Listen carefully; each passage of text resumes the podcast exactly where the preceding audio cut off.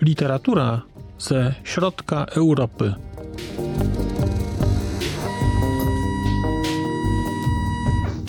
Podcast około książkowy. Znak litera człowiek. Podcast okołokulturowy. Dzień dobry. Przed mikrofonem Marcin Piotrowski. Bardzo miło mi, że zdecydowali się Państwo kolejny raz posłuchać mojej audycji. Dzisiaj mam dla Państwa książkę Przejęzyczenie. Książkę, która jest książką, która jest zbiorem wywiadów, które przygotowała, które przeprowadziła Zofia Zaleska. I to jest książka, która nie jest już najmłodszą książką. To jest książka sprzed, no, wziąwszy pod uwagę, że mamy rok 2022, to to jest książka sprzed lat, sprzed lat 7. Natomiast jest to książka na tyle interesująca i na tyle wartościowa, i też na tyle gdzieś książka, która wpłynęła na moje życie, że postanowiłem się z Państwem jakąś refleksją na temat, na temat tej książki podzielić. Podtytuł książki to rozmowa o przekładzie. No właśnie. Dwie rzeczy: i rozmowy, i przekład. Ta książka to są zapisy wywiadów, chociaż słowo wywiad jest tutaj, wydaje mi się, wysoce nieadekwatne, bo to nie są wywiady, tylko to są właśnie rozmowy. To są rozmowy, które autorka prowadzi z takimi najbardziej znanymi mm, tłumaczami literatury. To są wywiady, które są, czy to są rozmowy, no samo na tym się łapie. To są rozmowy, które dotyczą z jednej strony trochę warsztatu pracy tłumacza, z drugiej strony są to rozmowy o takiej głębokiej miłości kulturowej, którą, którą znaczna część tych tłumaczy ma w sobie, i to jest miłość kultury własnej, naszej, polskiej, ale też jednocześnie jakaś forma miłości do kultury języka, z którego te przekłady są dokonywane. Jest to też jednocześnie książka o szacunku o szacunku do języka, o szacunku do formy, o szacunku do, do treści. I na końcu to jest też książka o tym, o takiej próbie odpowiedzi sobie na pytanie, co znaczy pisać, co znaczy tłumaczyć, co znaczy przekładać i po co to robimy. I rzeczywiście, jak się tak spojrzy na to trochę szerzej, to te wszystkie pytania, które wydają się całkowicie banalne, to jak się tam naprawdę o nich pomyśli, to wcale takie banalne nie są. Ja nie ukrywam, że jeszcze całkiem niedawno, do, do momentu, kiedy przeczytałem tę książkę, to właściwie nie było całkiem niedawno, bo przeczytałem ją kilka lat temu, ale gdzieś tam w głowie cały czas miałem taki obraz, że nowych przekładów trzeba dokonywać bardzo regularnie. Że nowy przekład zawsze oznacza przekład lepszy, najprawdopodobniej. To było pokłosie mojej gdzieś tam miłości do Szekspira i te, tego takiego polskiego założenia, że każde pokolenie ma swojego tłumacza. I u mnie to był, e, i u mnie to był e, Stanisław Barańczak. I ja się na jego przykładach szekspirowskich wychowałem. Z kolei ten Barańczak był takim przeskokiem od Słomczyńskiego, którego przekłady były bardzo specyficzne i takie, że człowiek się często zastanawiał, co poeta miał na myśli. Jeden i drugi. E, więc wydawało mi się naturalne, że każdy przekład jest lepszy, pod pojęciem, no właśnie, to jest pytanie, co znaczy lepszy. Ta książka stawia te pytania. Co znaczy lepszy przekład? Stawia pytanie o to, po co przekładać. I nie dlatego, że, żeby ktoś to przeczytał, żeby wyszła książka w innym języku i że warto przeczytać, przeczytać ją po polsku. Pytanie, po co przekładać klasykę? Po co przekładać klasykę, która była już przekładana? I te rozmowy w tym kontekście są szalenie, szalenie interesujące, bo perspektywa osób, które zawodowo się czymś zajmują i które żyją z tego, że przekładają książki, czy bardziej lepiej powiedzieć chyba literaturę, jest jednak zupełnie inna. A ta inność polega na tym, że dla większości z nas kwestia przekładu jest kwestią gdzieś tam wtórną. Mnie, szczerze powiedziawszy, dopiero ta książka nauczyła tego, że za każdym razem w tej chwili, jak biorę książkę, która jest obcojęzyczna w oryginale, to sprawdzam, kto ją przełożył. I sprawdzam tak nie dlatego, żeby nie wiem, jakoś niezdrowo się podniecać, że przetłumaczyła tę książkę ta, a nie inna osoba, tylko bardziej też sprawdzam z takiego szacunku e, dla tej osoby, po to też, żeby się dowiedzieć, kto to był, ale też, żeby to, to imię i nazwisko gdzieś tam u mnie sobie w głowie wybrzmiało i żebym miał takie też ja poczucie, że gdzieś tam mentalnie, wewnętrznie doceniłem osobę, która poświęciła swój czas i, i takie e, umiejętności kreatywne temu, żeby mi coś dostarczyć. E, tych rozmów w tej książce jest kilkanaście. Natomiast jest to kolejna książka z cyklu. Bardzo żałuję, że, że nie jest dłuższa. Dlatego, że i te rozmowy dla mnie mogły być dłuższe, dlatego że ci mm, e, interlokutorzy, tej autorki, to są osoby szalenie interesujące i przepięknie opowiadające o literaturze. I tak sobie myślę, że to jest ta książka nawet na mnie zrobiła wrażenie. Mówię nawet, bo ja jestem wśród znajomych e, mi osób dosyć jakoś tam kojarzony bardziej z czytaniem takiej literatury, nazwijmy to faktu, bardziej z czytaniem literatury akademickiej. I ja sam mam rodzaj moralnego kaca, kiedy czytam książki tylko dla przyjemności, chociaż oczywiście czytam je dla przyjemności, nawet jeżeli są to książki akademickie, naukowe, to, to dla mnie on, lektura ich stanowi przyjemność. Natomiast zawsze gdzieś tam miałem taki, taki problem i taki zgrzyt z tym, że chciałem czytać literaturę. Trochę chciałem, a jednocześnie na końcu gdzieś tam człowiek zastanawiał się, ile ma czasu, ile zdąży przeczytać i czy warto teraz, i najczęściej okazywało się, że nie warto teraz. I że akurat odłożę to sobie, że kiedyś przeczytam, ale może nie przeczytam, i przeważnie, przeważnie nie czytałem. I kiedy wspominałem na początku, że ta książka zmieniła moje życie, to zmieniła je w taki sposób, że zacząłem czytać literaturę. Zacząłem ją czytać w inny, inaczej niż sądziłem, że będę ją czytał, ale jednak to jest książka, która, która nawet u osoby, która jest e, średnio taka, nazwijmy to, przepełniona miłością do literatury przez duże L, to nawet taką osobę jak ja potrafi zachęcić do wzięcia książki do ręki. Natomiast jeżeli zdarza się Państwu czytać literaturę piękną, no to wydaje mi się, że ta książka to, to, będzie, to będzie rzecz bardzo trafiona u Państwa. Dlatego, że ja zdaję sobie sprawę, że moje postrzeganie e, czytelnictwa, literatury jest bardzo specyficzne.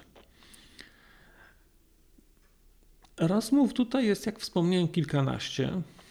Na mnie największe wrażenie chyba zrobiły trzy, ale to nie jest tak, że, że tutaj są rozmowy gorsze i są rozmowy lepsze. One są właściwie wszystkie tak samo pasjonujące. I kiedy się wydaje, przeczyta się jedno i wydaje się, że, że to, to było tak wspaniałe, że nie, nie, nie ma możliwości, żeby kolejna rozmowa utrzymała poziom, no to akurat jest ta możliwość, bo ta rozmowa utrzymuje ten poziom. I kolejna rozmowa dorównuje albo przekracza tej, która się właśnie skończyła. I dla mnie tutaj były trzy takie chyba najważniejsze rozmowy. Pierwsza to była rozmowa z Teresą Worowską, która tłumaczyła, która jest tłumaczem literatury angielskiej, węgierskiej. Jest rozmowa z Andrzejem Jagodzińskim, który tłumaczy literaturę czeską i słowacką. I jest rozmowa z tłumaczem, który tłumaczy literaturę iberoamerykańską. To jest Carlos Marodan Casas. I ja się, kiedy czytałem tę książkę, no to stwierdziłem, że nie, nie mam możliwości, że muszę w końcu zacząć czytać literaturę, bo te rozmowy są tak piękne i ci ludzie tak pięknie mówią o tej literaturze, że też chciałbym mieć szansę dotknięcia jej. Jednocześnie też chciałbym się z, z, zmierzyć z próbą przeczytania przekładu. Nie czytając oryginału, oczywiście, ale nadal, kiedy się przeczyta tę książkę, to człowiek się zastanawia, jak to jest możliwe, że przekład powstaje, że ktoś go dokonuje, że do jakiej, w jakimś stopniu wchodzi w buty autora. No i właśnie, więc kiedy zacząłem czytać, to najpierw stwierdziłem, że nie ma możliwości, nie, no muszę zacząć czytać literaturę iberoamerykańską, no bo wiem, że ona jest dosyć znana, nawet trochę książek mam, ale no więc stwierdziłem, że jeszcze troszeczkę po, pozbieram tych książek, zanim zacznę czytać. No i zacząłem sobie tam do, do, dozbierywać i oczywiście do tej pory, jeżeli chodzi o literaturę iberoamerykańską, nie przeczytałem żadnej książki, mimo że kilka już mi przybyło i to zarówno klasyki, jak i rzeczy nowych. Kiedy czytałem, to stwierdziłem, że zacznę, że zacznę od Węgier, dlatego że tutaj w tej rozmowie z Teresą Worowską bardzo się wyraźnie zaznacza obecność y, Maraja i, y, i Esterhaziego. Ja książek Maraja trochę w domu mam, dlatego że moja żona jest y, czytelniczką Maraja od jakiegoś czasu, dosyć długiego. Jeden z takich moich przyjaciół, który stanowił zawsze dla mnie inspirację, jeżeli chodzi o dobór lektur, też się zaczytywał Marajem więc stwierdziłem, że zacznę od literatury węgierskiej. Ale chciałem jakoś zacząć sobie od, e, od e, książki Esterhaziego, Celestia Orbis chyba się nazywa. E, I okazało się, że ta książka jest trudno dostępna. Ja pamiętam tę książkę jeszcze jak leżała na, na, na w witrynach księgarni jej wtedy nie kupiłem, mimo że bardzo opowiadała mi okładka i, i nawet ją przeglądałem, ale uznałem, że no, no właśnie, to nie jest książka naukowa, to nie jest książka akademicka, więc e, może innym razem. No i kiedy chciałem zacząć czytać teraz tę książkę, to okazało się, że no, po pierwsze nowych książek nie ma, a oryginały chodzą na Allegro w jakichś cenach takich bardzo konkretnych. No i gdzieś tam w którymś momencie zdecydowałem się na przeczytanie, na, na, na rozpoczęcie przygody z literaturą czeską.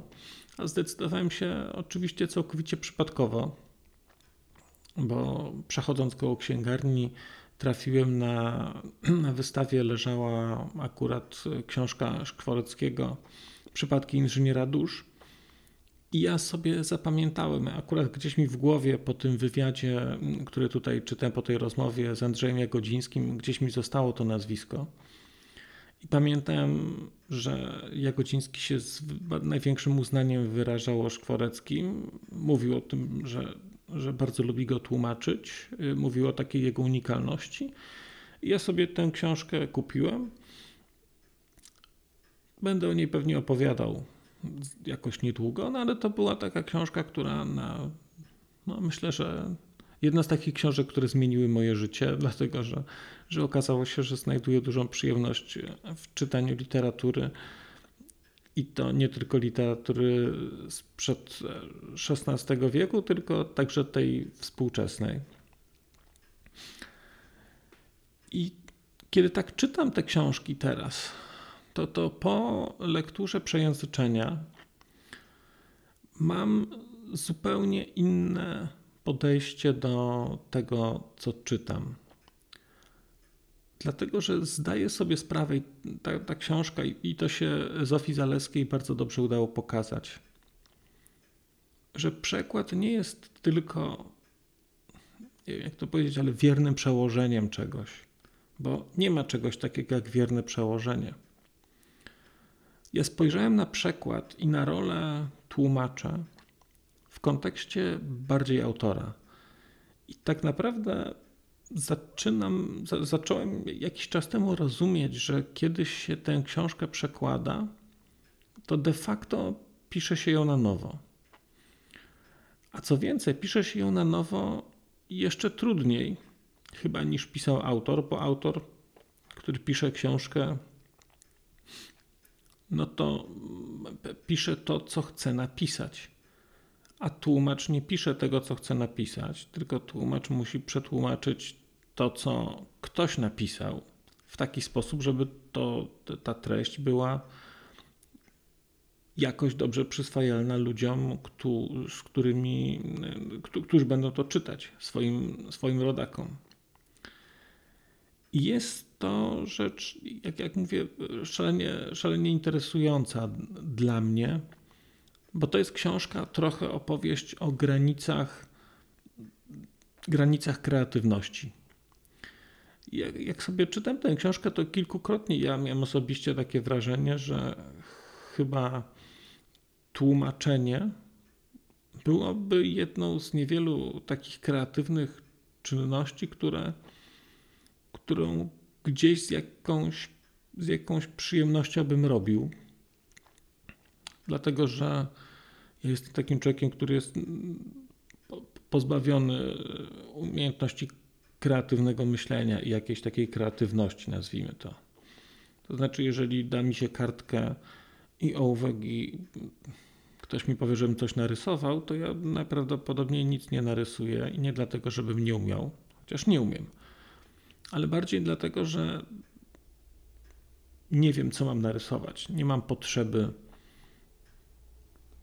czy tworzenia jakiejś rzeczywistości, czy jej odwzorowywania. Nie wiem, nie wiem, co miałbym wybrać, nie wiem, dlaczego miałbym coś wybrać. I ja już się o tym przekonałem, przekonałem lata temu, kiedy, kiedy gdzieś tam w programach do, do obróbki graficznej potrafiłem e, wyrenderować całe, całe swoje przyszłe mieszkanie i to było fantastyczne. I stwierdziłem, że o to sobie teraz coś też zacznę jeszcze e, tworzyć i nagle siadłem przed, e, przed tym komputerem, zacząłem naciskać klawisze i nic nie potrafiłem wymyśleć. Nie wiedziałem, co ja mam zrobić. E, I spotkałem się z tym później wielokrotnie, to znaczy nadal potrafię świetnie zbudować z klocków Lego rzeczy z instrukcji, natomiast nie bardzo potrafiłem z tych klocków Lego samemu coś stworzyć. I kiedy myślę sobie o tłumaczeniu, to myślę sobie w takim kontekście, że to jest taki rodzaj, nie wiem jakby to powiedzieć, ale takiej kreatywności odtwórczej, że jest coś, co trzeba przełożyć, jest stan docelowy drugiego, w drugim języku, coś do, do, do czego trzeba dojść, ale po drodze są pewne ograniczenia, są pewne ramy, których nie można przekroczyć. I w tym kontekście, kiedy myślę sobie o tłumaczeniu, to nagle się okazuje, że to tłumaczenie właśnie jest taką aktywnością, która by mi bardzo odpowiadała, dlatego że z jednej strony zdejmuje z mojej głowy, zdejmowałaby, bo nie zdejmuje, bo nie tłumaczę, ale zdejmowałaby z mojej głowy kwestię wyboru tematu, kwestię tego, co mam robić, kwestię tego, co mam przekładać, bo wiadomo co, wiadomo jaki efekt uzyskać. Natomiast trzeba rzeczywiście to zrobić. Trzeba się zastanowić, jak pewne rzeczy wybrać, jak przetłumaczyć, co przetłumaczyć, w jakim kontekście osadzić, jak osadzić w rzeczywistości naszej, tak żeby ona była inna. I, i to jest szalenie interesujące. Ja się spotkałem też z przekładami nie chcę powiedzieć, że złymi, ale przez długie lata zapasjonowałem się Tolkienem. i pojawiło się gdzieś tam na początku lat 2000 chyba takie bardzo specyficzne wydanie, tak, takie tłumaczenie mocno spolszczone Tolkiena. Ja byłem wychowany na tłumaczeniu Marii Skibniewskiej. Pojawiło się tam to tłumaczenie, którego nazwiska niestety nie pomnę w tej chwili, tłumacza. I ono właśnie, ono nie było złe tylko ono było bardzo specyficzne, bo tam te wszystkie, wszystkie miejsca, wszyscy bohaterowie byli w maksymalny sposób spolszczeni albo zesłowiańszczyźnieni. Oni byli osadzeni w naszym kontekście kulturowym. Te, te, cała toponimia była, była słowiańska. I wyglądało to bardzo dziwnie. A ja wtedy już byłem po lekturze listów Tolkiena i pamiętam, że Tolkien na początku, kiedy pisał Władcę Pierścieni, kiedy zaczęły się ukazywać przekłady tej książki, to zwracał ogromną uwagę na to i wprost pisał do tłumaczy, że chciałby, żeby ta książka zawsze osadzona była w kontekście kulturowym danego kraju. Czyli ta taka, nie wiem, ludy, wiejskość hobbitów niech się manifestuje w taki sposób, w jaki sposób manifestuje się życie na, we wsi czy w małym miasteczku w, w danym kraju. I rzeczywiście przekład, przekład Łosińskiego taki był.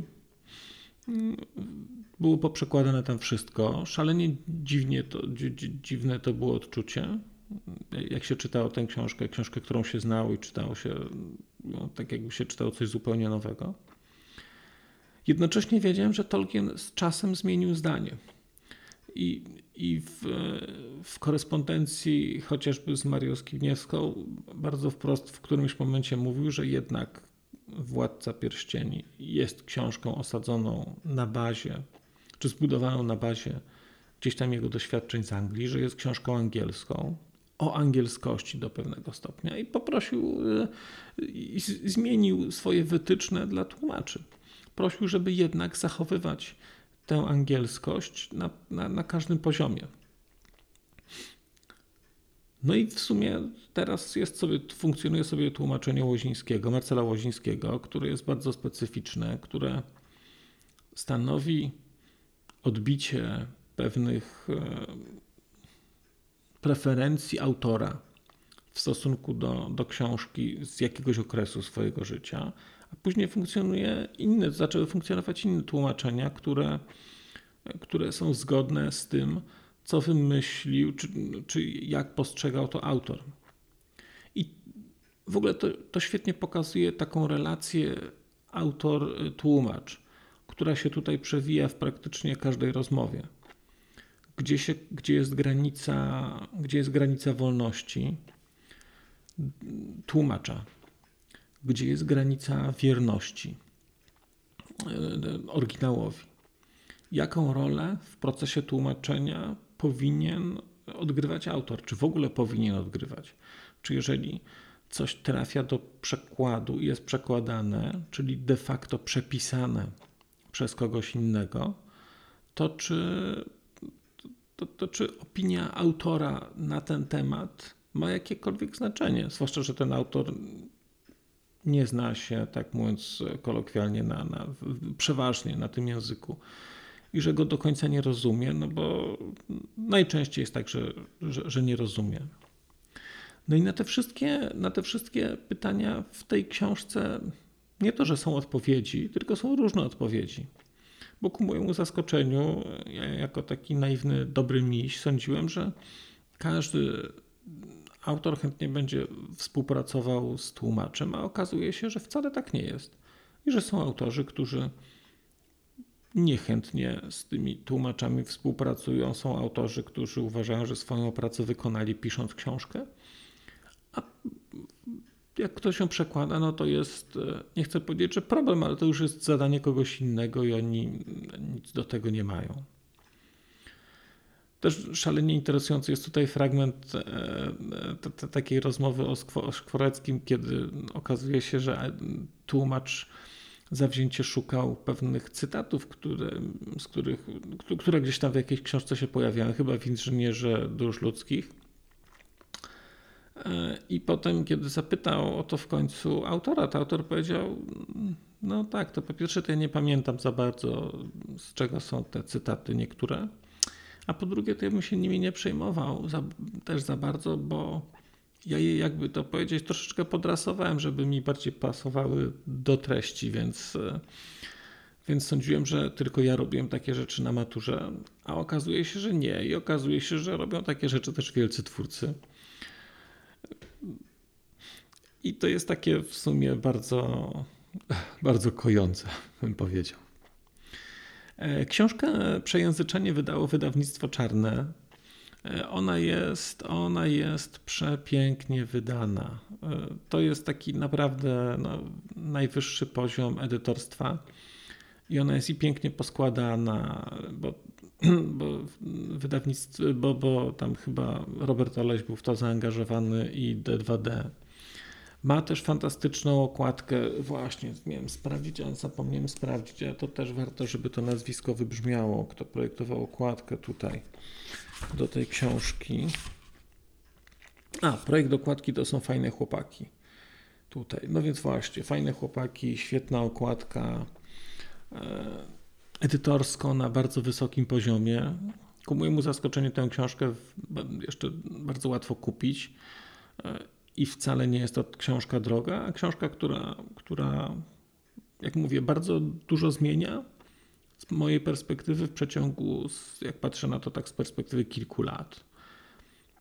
No to jest to taka jedna z książek, która w największym stopniu wpłynęła na to, gdzie jestem teraz, co teraz robię, jakie, jakie rzeczy czytam. I taka książka, która była taką taką zwrotnicą. W, w, odpowiednim momencie ktoś mi tę zwrotnicę przełożył, kiedy sobie, tę, sobie tę książkę wziąłem.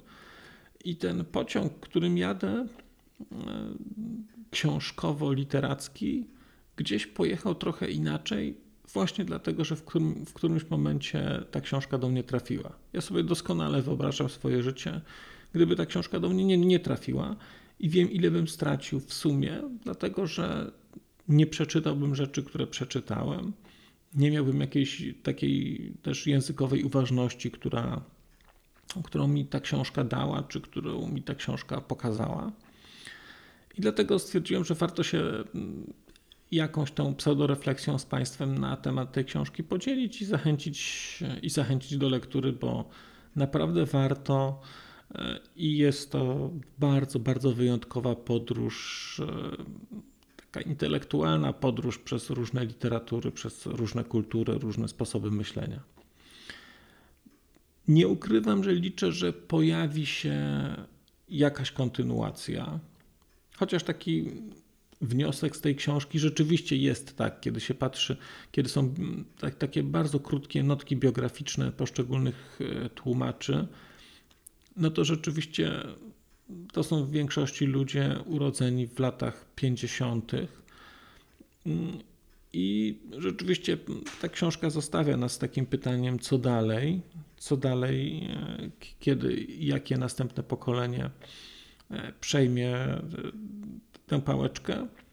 No ale no to dobrze, no zostawia nas z takim niepokojem, bym powiedział. Ja, ja jednak liczę, że będzie dobrze.